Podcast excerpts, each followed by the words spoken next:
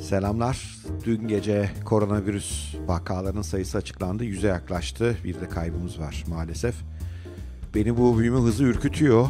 Çünkü bir önceki videomu izleyenler varsa geometrik veya eksponansiyel büyümeden bahsetmiştim. Bu kendini sürekli ikiye katlayan büyümelerin belli bir adımdan sonraki sonuçları korkunç olabiliyor. Şu ana kadar Türkiye'de de kendini her gün ikiye katlayarak gidiyor hastalık. Üstelik de bu sadece test yapılanlardaki sonuçlar. Ee, İtalya bize gösteriyor ki hastaların %80'i hiç hastalığı fark etmeden yaşıyorlar. Ee, o yüzden yayma hızları da çok yüksek oluyor çünkü teste de girmiyorlar. Kendilerinden şüphelenmiyorlar da.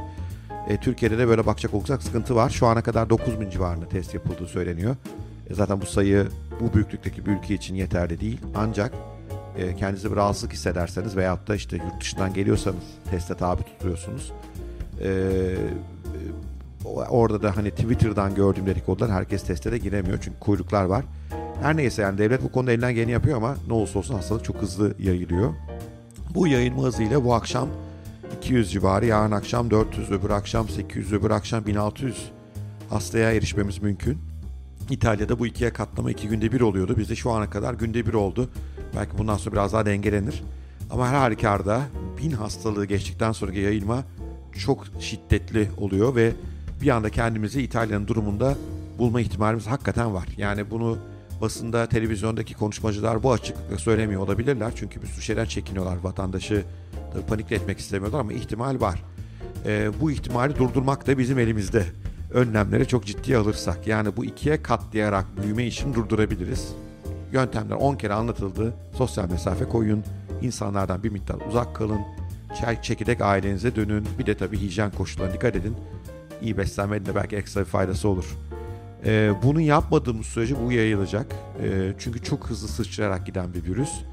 Böyle e, saçma sapan safsatalara da inanmayın. Yok DNA'mız bizi koruyacak. Öyle bir araştırma yok. Bir tane Twitter hesabı bizi biri bunu söylüyor. Hiçbir ciddi karşılığı olmayan bir iş. Ee, yok efendim bu bir biyolojik savaş. Değil. Yani bu doğal gelişim. Bu e, virüs, koronavirüsleri, SARS'ı, MERS'ı çeşitli şekillerde sürekli karşımıza çıkıyorlar.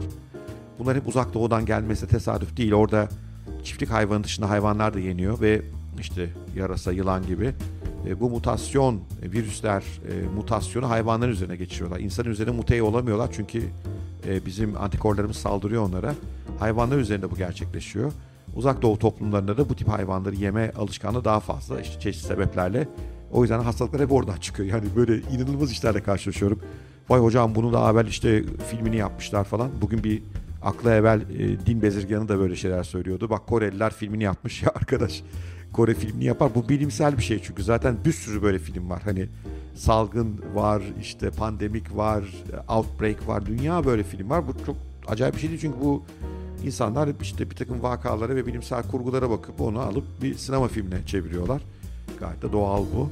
O yüzden yani inanmayın bunlara. Ama eğer illa inanacaksanız inanın. O zaman da şöyle söyleyeyim. Biz bu biyolojik savaşı kaybetmek üzereyiz. Bilinçsiz davranışlar yüzünden. Bilinçsiz davranış hala demin alışverişe gitmek zorunda kaldım maalesef. E, marketten getiremediğimiz bir şey için evde bebek var biliyorsunuz. Ya açıkta tadım yaptırıyorlardı hala. Yani inanılmaz şeyler var hala. Lütfen bundan vazgeçin. Bir yere gelmeyin. Patronlar şu şirketleri kapatın. Çünkü bu bini geçtikten sonra bunu durdurmak hakikaten çok zor. E, ve çok büyük sonuçlara yol açabilir. Bir de kendimizi aldattığımız bazı konular var. Bunun ölüm oranı düşük diye. Ölüm oranı düşük de eğer doğrusu tedavi görürseniz düşük. Çünkü şöyle görüyoruz. Şimdi 100 hastanın 80'inde zaten sendrom bile ortaya çıkmıyor.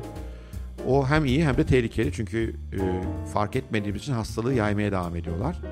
20'si aşağı yukarı hastaneye düşüyor. E, bu 20'nin de 5'i yoğun bakımlık oluyor. Yoğun bakıma giden insan sayısı arttıkça da ölüm ihtimali artıyor. Çünkü yoğun bakım üniteleri buna karşılık veremiyorlar.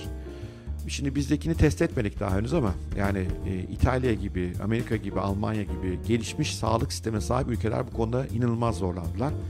Bizim Sağlık Bakanlığımız iyi şeyler yapıyor ama bizim de zorlanacağımızı söylemek e, çok hani şaşırtıcı değil herhalde mi? Biz de zorlanacağız bu işte.